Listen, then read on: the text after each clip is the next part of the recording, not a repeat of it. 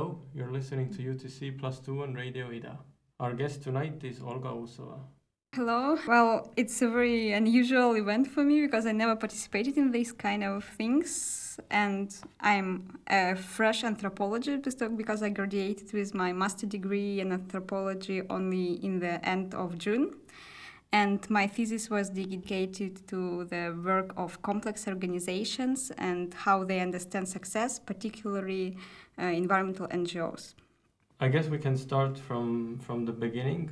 Your thesis is titled Understanding Success, a case of a complex environmental organization. Maybe as a starting point, you can uh, share the questions, the initial questions that you had, and, and kind of a brief overview of the field site as well. Yeah, I think it's a good idea. I can introduce the field and how it actually how I actually got this idea. So as we know, usually organizations when we talk about organizations, we think about them as about successful or not successful. And uh, usually we use these parameters as growth, income, etc. to manage uh, to measure their success. But in reality, not all organizations can actually be measured with growth and income. And in my case, it was environmental organization, a very complex environmental NGO. And I used to work there as a volunteer for a year. The organization is located in Finland and it's uh, in charge of uh, environmental questions and especially renewable energy. And they also doing um, assessments of uh, of environmental criteria for uh, for different power plants, etc. And I understood that for them, success is not only growth and not only income, but it's something more.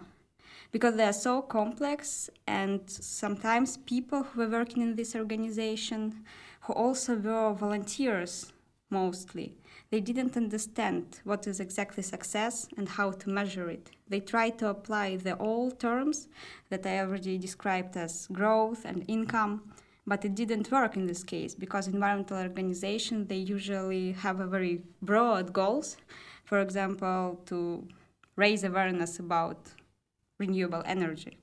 And this goal it can be never achieved as I believe because it can take like 50 years and 100 years but new people are getting born and like you should start all this process again and again. And back then when i was a volunteer myself in this organization i understood that everything is so confusing there for the workers. So they even often like misunderstand what organization is and what their work is and what they're working for and what are the goals but on the other hand, the the heads of the organization they consider that every, everything that they are doing is right, and that what they want is actually what the workers want to do and how they perceive the goals. And after some time, I already I left the organization. I came to Tallinn. I started studying anthropology, and I realized that it can be actually a very interesting topic to go deep into it. And that's how I started thinking more about success. And that's why I decided to come back to the organization. But initially, when I came to the place, to the place of my fieldwork, it's by the way in Helsinki, just across the sea, so not so far. I started looking in general at the work press process, at the organization, how new volunteers treated. Because usually volunteers stay there for a year and then they leave. I still had some friends there, some people were new for me, but they still shared the same understanding of what they're doing and of the organization. And how I understood what they see is mostly traditional approach to work, how work is supposed to be. So, nine to five working schedule plus what else? Like very strict hierarchy at the place and they were looking for it in the work in the organization, but it wasn't there because the heads of the organization understood that they can't treat volunteers this way. But volunteers still expected the same treatment as normal workers. So it was very, very mixed. And for the whole period of my stay in there as a, an anthropologist, as an ethnographer, I actually tried first to look what is important for people there. And I very, very often heard from them and from the head of the organization that they don't know what to, uh, to name as a success of the organization. It was difficult for them to understand. And I heard like a lot of different theory that success can be just growth and the fact that we exist, etc. And as I understood, all the theory they came originally from the background of all the employee, employer employees, and also from the fact that from the from the image of the organization they shaped for themselves, plus uh, the mixture of their previous experiences, and therefore I tried to connect the fact that how we understand success and goals is connected to the to what we understand as organization itself at work as work work process. I tried to kind of move this hypothesis in my thesis. And like i think i managed to put it smoothly together. It still can be confusing for some people but yes it was very interesting to put all these pieces of the puzzle together and I think in the end, I managed to make some conclusions what can be success for this particular organization.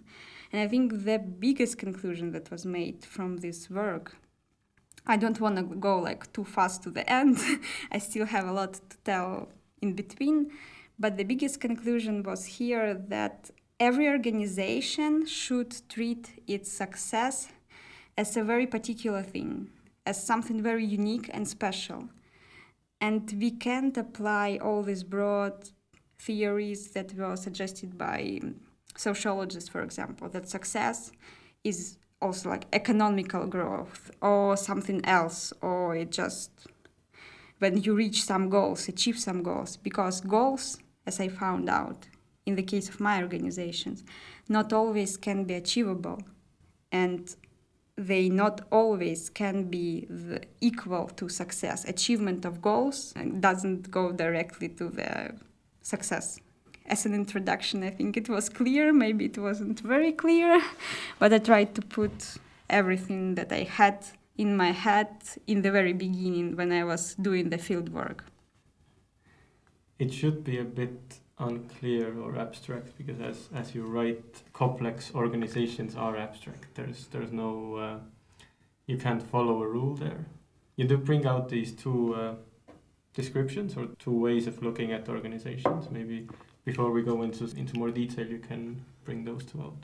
Okay you probably mean the fact that I describe organization as traditional one, as rational bureaucracies, and on the other hand, a complex organization that exists right now and that under influence of internal and external factors that I also describe as organization in the condition of neoliberal and post-industrial world. As I already started explaining in the introduction, I found out in the fieldwork side the all people, all volunteers who were working in the organization, they understood organization as something that's supposed to be a closed, uh, closed structure, a strict hierarchy in the place, plus like this normal standard working hours, and that it was for them what they got used to because their parents, their grandparents used to work using this working pattern they also expected this to, uh, to be.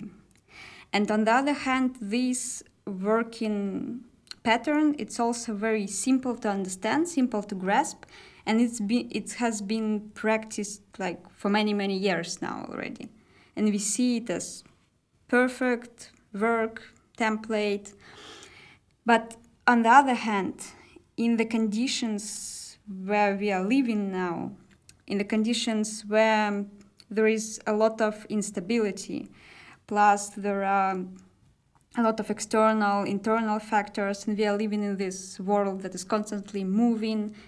The world itself is a process that like never stops, an organization in this process they also they're also part of this process and their process is itself because they're changing if something changed in the world it also affects them the organizations and they have always readjust themselves to these new conditions uh, to stay active and that's exactly what i call organizations in the neoliberal world post-industrial environment so they no longer use the same approaches that were used by the heads of the organization, let's say 50 years ago. They can no longer stick to the same terms. Uh, they need to get new types of employment, such as voluntary work plus freelance workers. They can also like use them very often because the, only uh, using these new types of employment or new approaches to work, such as, for example, spreading Mm, work not only from nine to five, but like making it longer or earlier in order to adjust to different time zones, etc. If they're working internationally, for example, in the end, it becomes this completely new type of organization because they should always be aware of what is happening outside, what factors can affect them. And it means that all these neoliberal organizations nowadays, they just can't be the same as they were many years ago.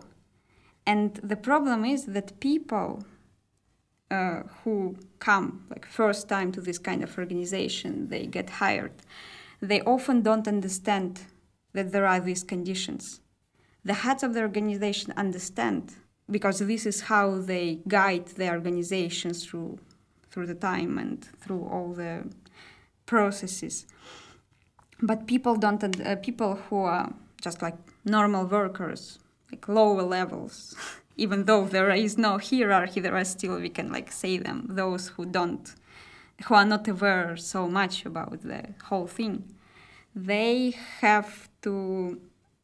Also, they need to be taught that all the processes are going this way and uh, the work is organized this way because we just can't be active otherwise.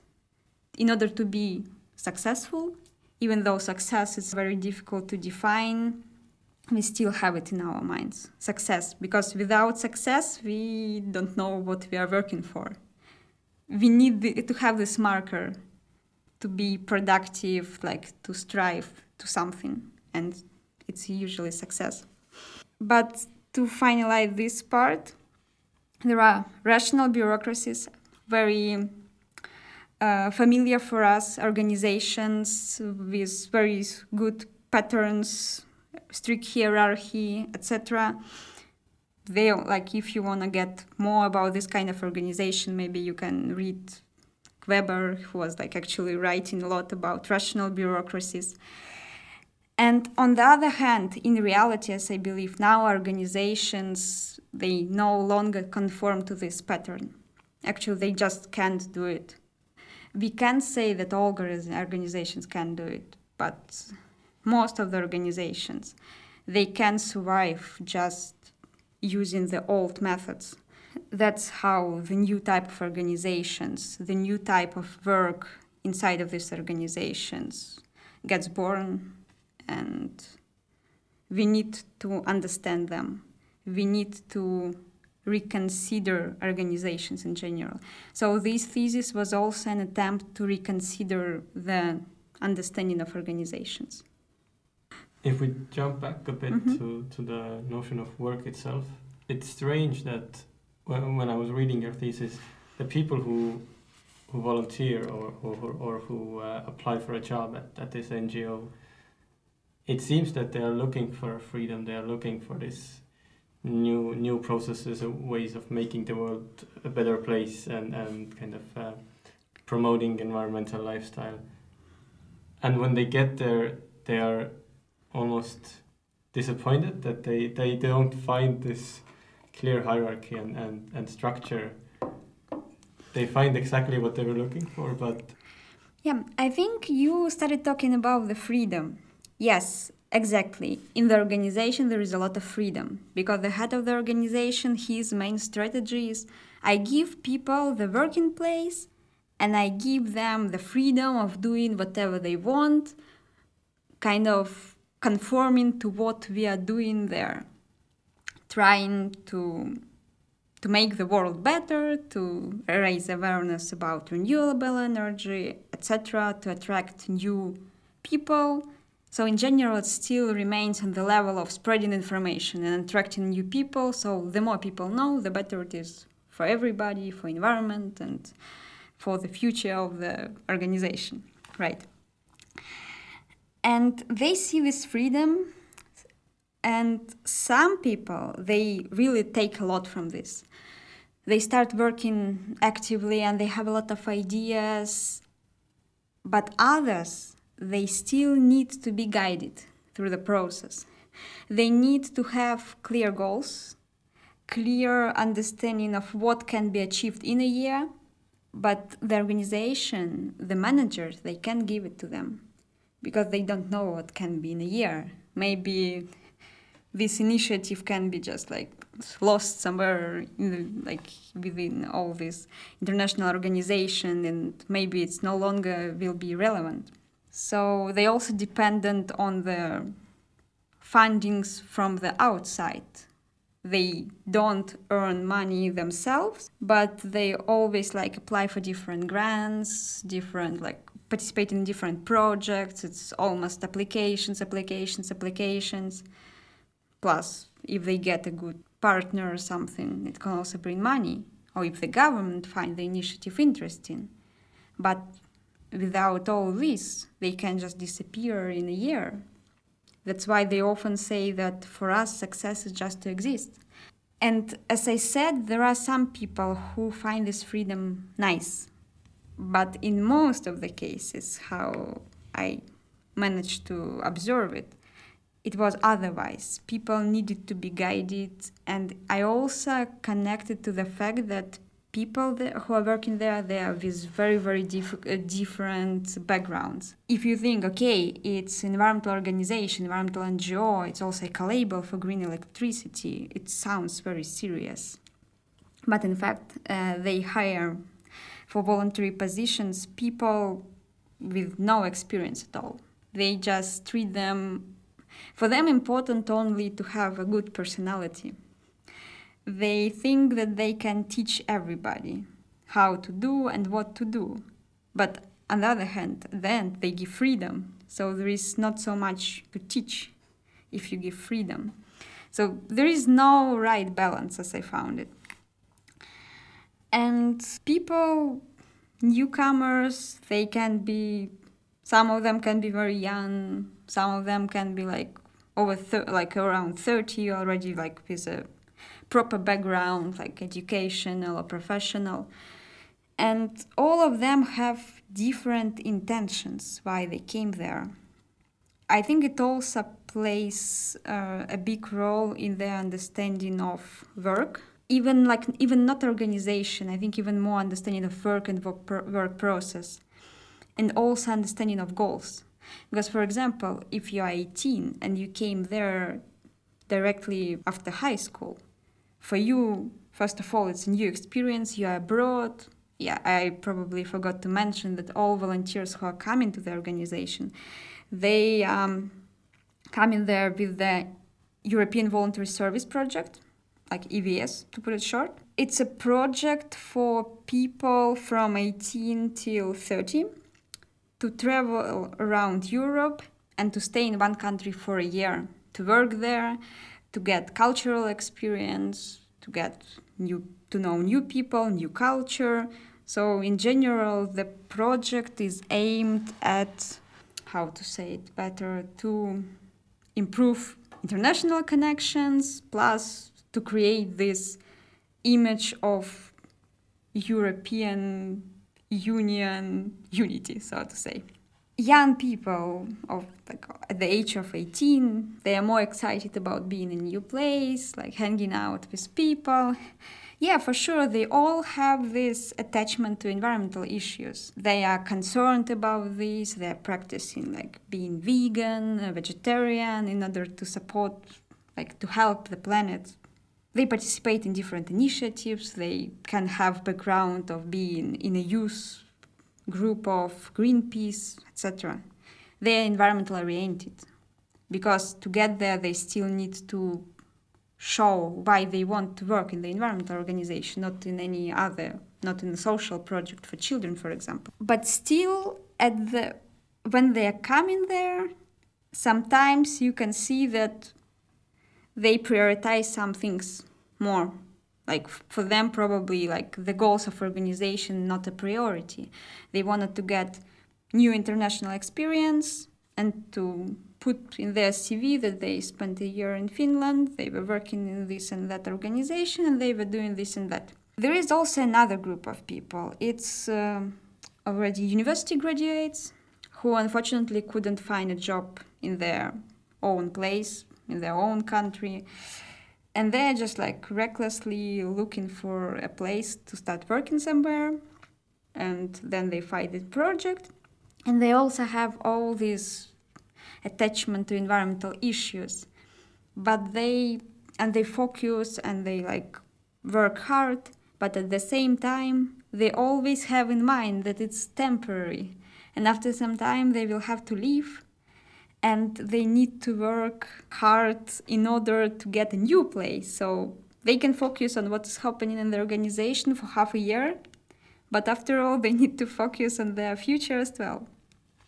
Like the head of organization also understands it, and he knows that not everybody prioritizes what the organization is doing, and it's actually really difficult to find this balance. And that's why he decided to give them freedom. But as you see, the freedom doesn't work for everybody. But there were like very good examples when people actually like were doing a lot.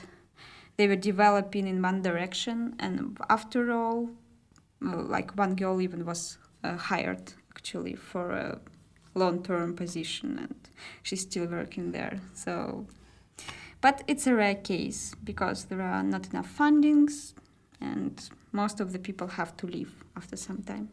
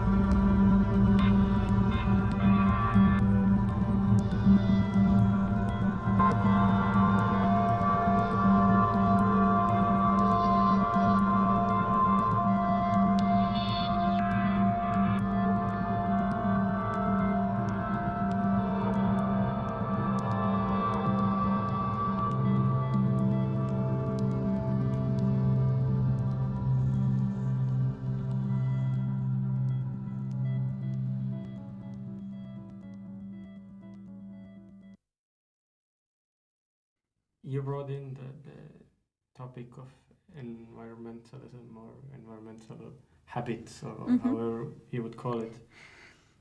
And there's a difference that, that you write about as well, the difference between just thinking environmentally and being an expert or having some having an education or, or professional experience in, in that field. So how, how did that play in in that NGO? Well, as I already said, all the volunteers they usually had some connection to environmental field, but it was very different. So like there were some people with PhDs, but for example in biology or in something different, but still kind of connected to environmental field, but not so close. Mostly, most of them were connected to environmentalism and developed their environmental behavior because they just had it as a part of their life. So it was, I would say, emotional environmentalism. They they liked it. It was as it's, it would be wrong to call it a hobby, but they it wasn't their profession. And on the other hand, as the organi- as this uh, particular case study organization, it's also a part of a bigger environmental organization that is working on the governmental level in Finland. There, there were a lot of experts.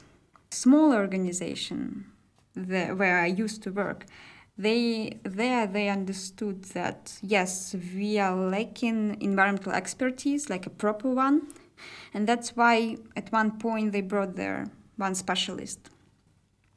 And the specialist actually was yes, we need more people who has this expertise. But still, I also saw that very often people without environmental education. They're actually more environmentally strict so they i don't know separate uh, like garbage and they do like everything very very properly like yeah if there is no plastic you shouldn't put plastic there. Like they avoid like plastic tubes and everything. It's like no plastic bags and it's it's very very nice. I really like it but on the other hand when you see people just working like the environmental specialist they are often kind of putting these things aside. They're more like focusing on the professional things and but this kind of environmentalism i think it's more emotional and probably it's even more productive for the organization because even though people uh, volunteers didn't have professional experience they were all really inspired by what the organization is doing and they were kind of connected to all this and they were like eager to spread the information to their friends and family and like all people around and they were proud of what they were doing.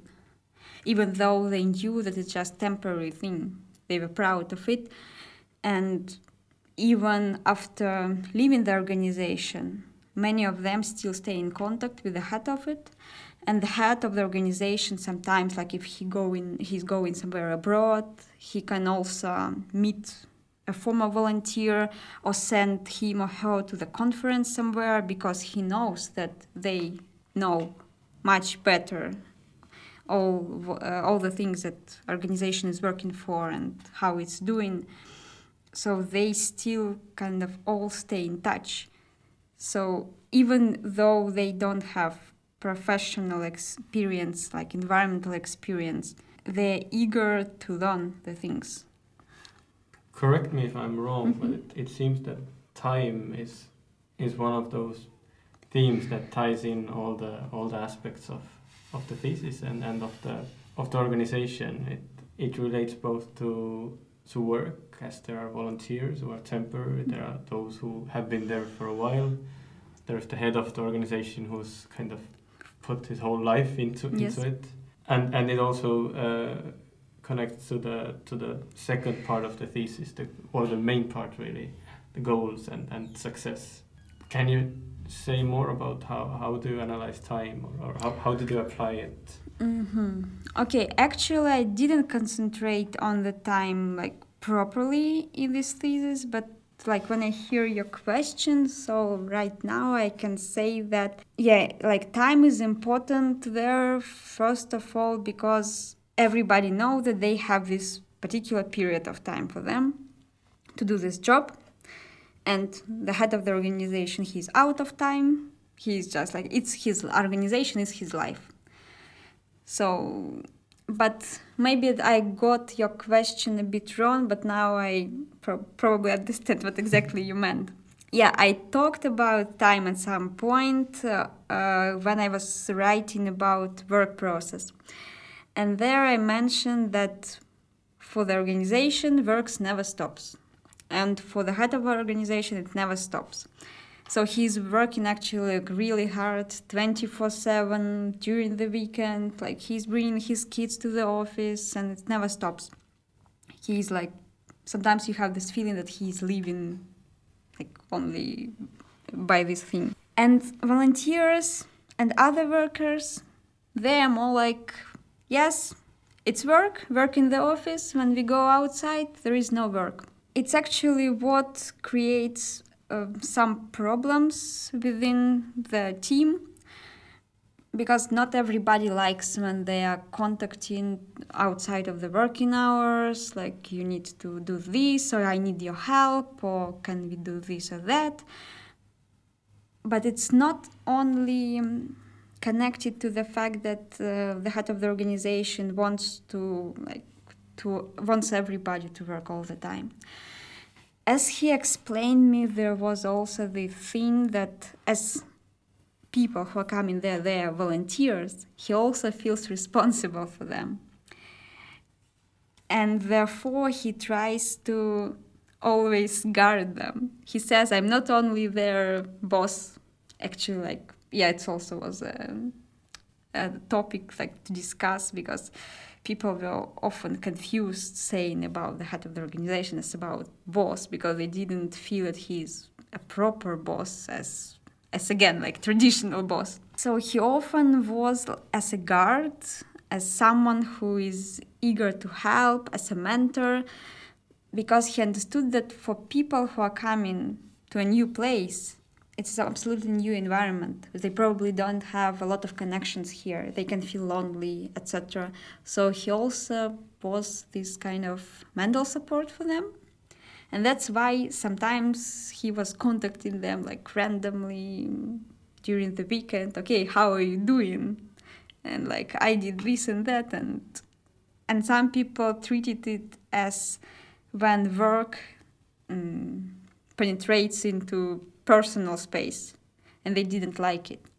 There were a lot of discussions like if the head the boss the manager can actually contact you via facebook how does it feel? If it's correct or not? And some people even like never accepted friend requests from the like upper management because they considered it not right for them mixing private life and professional life uh, wasn't right. And actually, it mostly were people who already had experience, and maybe they had some negative experiences in like in professional terms, and that's why they tried to keep this distance. That's how I explain time there, I guess.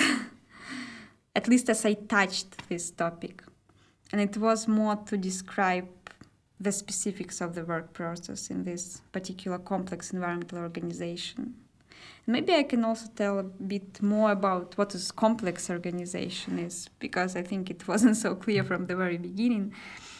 So complex organization it's not only complex by its structure as in the case in my case study the organization had a very complex structure. It's not. It's first of all, it's environmental organization. It's like one block. It's also NGO that makes it even more complex. So it doesn't have direct income and it's dependent on the external fundings, right? But it's also a network of organizations of International Environmental Organization. And there is one more block because it's Ecolabel for green electricity as well. And all these like big block, like the whole characteristics, let's call it complex organization, it's also a part of a bigger environmental organization. So it's like matryoshka thing. yeah, it's very complex in this part. This is like structure wise. But if to consider, uh, if to look inside of the organization, we see that they're using not standard work team because they are volunteers.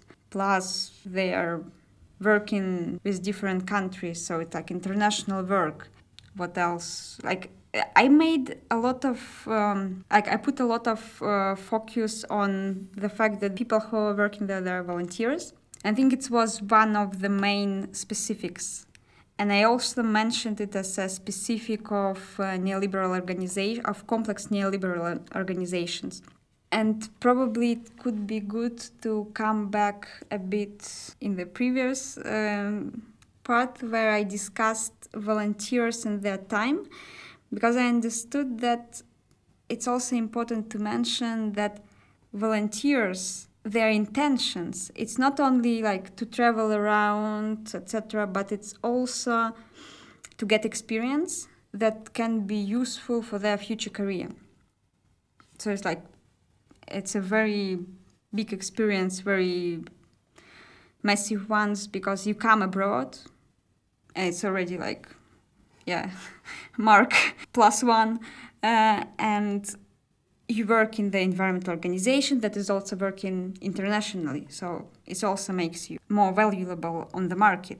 Plus, you're working in you work the working language of the organization is English, so it's plus three to your future career.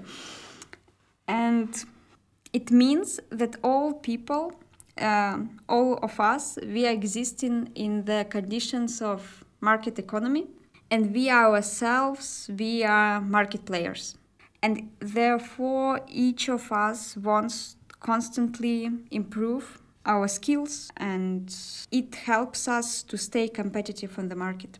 It's actually what moves us to voluntary positions to do some freelance work or something that actually sometimes not very highly paid it can be connected to our hobby so it can be just like something randomly because when you work and you feel that okay i'm not just like staying home doing nothing but i'm putting some efforts into something and after all i can use it as a good point for my cv so we're like we are constantly working for our cvs and in the conditions of market economies of neoliberal world right now is very very relevant. So uh, people constantly trying to improve themselves. So it's again one of um, one of the reasons why people come to the organization i describe and they work there as volunteers. I think it's good to follow this thought with the well, the kind of the conclusion of the thesis. Uh, um, what is success and what what are the goals of an organization? Because they are definitely affected by the type of work that is done and by the type of mm-hmm. employees. Mm-hmm. Well, coming to this point, as I already started talking, success is not. It, it cannot be measured only with growth cannot be measured only with uh, achievement of goals. And in the particular case, in my study case, goals were difficult to achieve. They couldn't actually set proper goals. And it's also what is described uh, in the theory of liquid modernity. The world we in which we are living right now, it's very unstable it's constantly changing, it's moving, and people can no longer set clear goals for themselves, for their organizations, and actually, not those who are achieving goals are successful, are those who are managed to be faster than others. So, the faster you move, the more successful you are, even though you don't achieve maybe your concrete goal. That's why goals are difficult to set and those who are closer to their goals than others those can be considered successful like we can't even call it proper success anymore.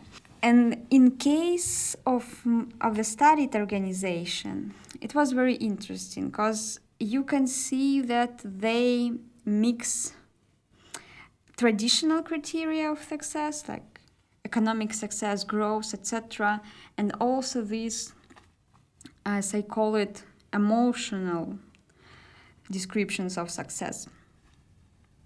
Uh, so to put it more clearly in the in my work i separated success into four categories. It's economic success existential visible and change maker success. So with economic success everything is clear. So the more fundings they get the better they can function they can stay active and they can implement their activities so it's kind of a base economic success you have money you can exist it's also connected to the existential success.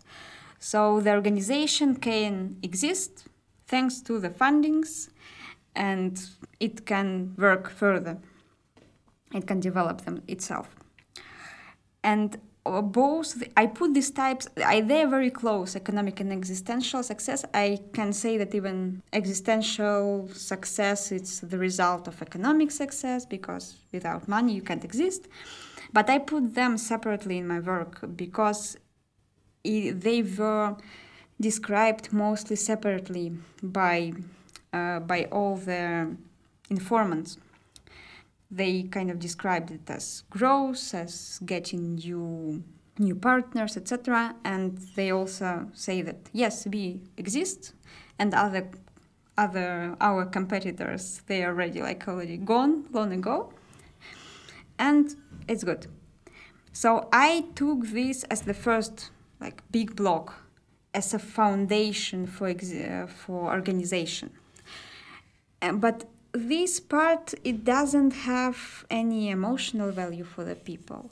So they even can't treat it as as a big achievement. But on the other hand, there are two more types of success. It's visible and change maker success. Visible success is as I described, in the fact that they can see the results of their work, the workers.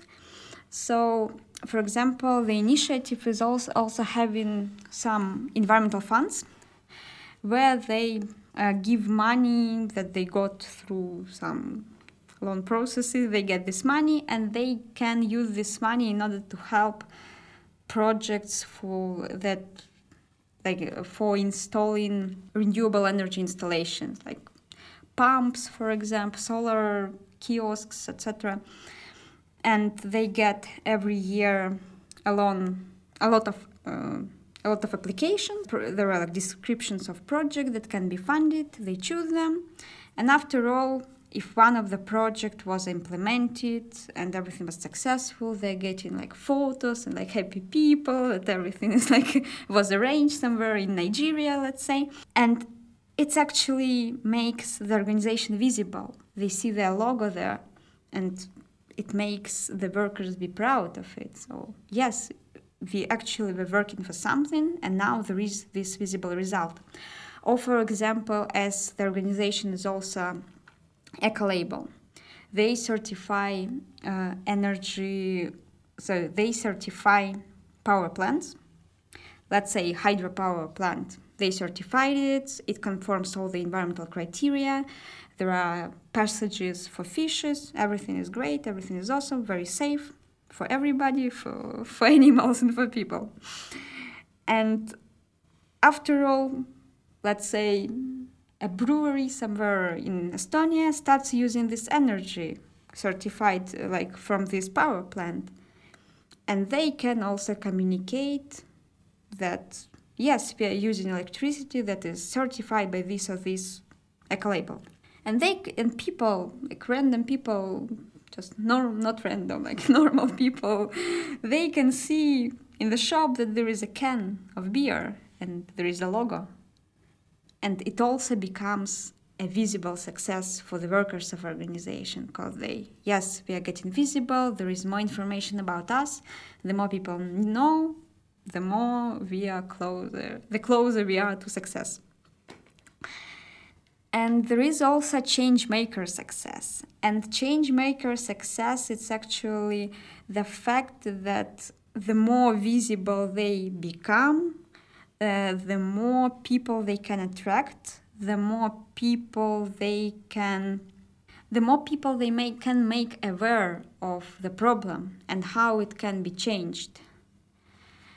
And it also comes from visible success because through visible success they become change makers because they spread the information. So i put these two blocks like economic existential success and visible change maker success apart and i realized that for economic and existential success are not so important for the workers but visible and change maker success they have a great emotional value for them because it's not only conforms to the ideology of the organization, its plans, its strategies, you know, the whole idea of what they're doing, but it also conforms to the ideas of individuals who are working in the organization. They all environmentally oriented and they try to and they see that yes, we are doing together better for the world we are making the world better because we are the more people know now about how to be more environmental friendly and what is renewable energy and how it can be used and what benefits it can bring. So I felt that it's actually what can be described as success uh, of the organization in this term, like in in this case but still i can't say that everybody in the organization will be agree that this is exactly what success is for them. So it's still topic to discuss and to but at least from my observations i saw it this way. And i think this separation of economic success and with this emotional success it was very very important to mention there I have a question that I want to ask. If if Mhm. you don't have an answer for it, or if it doesn't make sense, we we can cut it out.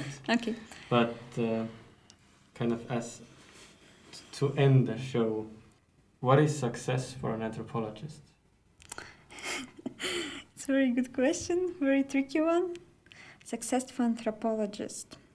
I think to be able to find specifics of the study case and to understand what is problematic and why these problems or some misunderstandings occur in the in the case study. So as I feel anthropologists' goal is to explain people from one group or with to like about another group or to explain people within one group why they have misunderstanding or why they can't find a common solution. The problem is that, let's say, even if it's one group, people can have different opinions, not only like half and half, but it can be that each individual has different opinion. An anthropologist collecting all these opinions, he tries to become a connector, the one who makes it clear. But it's not like he makes it clear saying to you it should be this, this, and that to each person. He gives them a story from which they can they should get the the truth, so to say. Maybe it's too optimistic. but Thank you for for coming to the show. Thank you for invitation. It was very interesting. This has been UTC plus two with Olga Usova.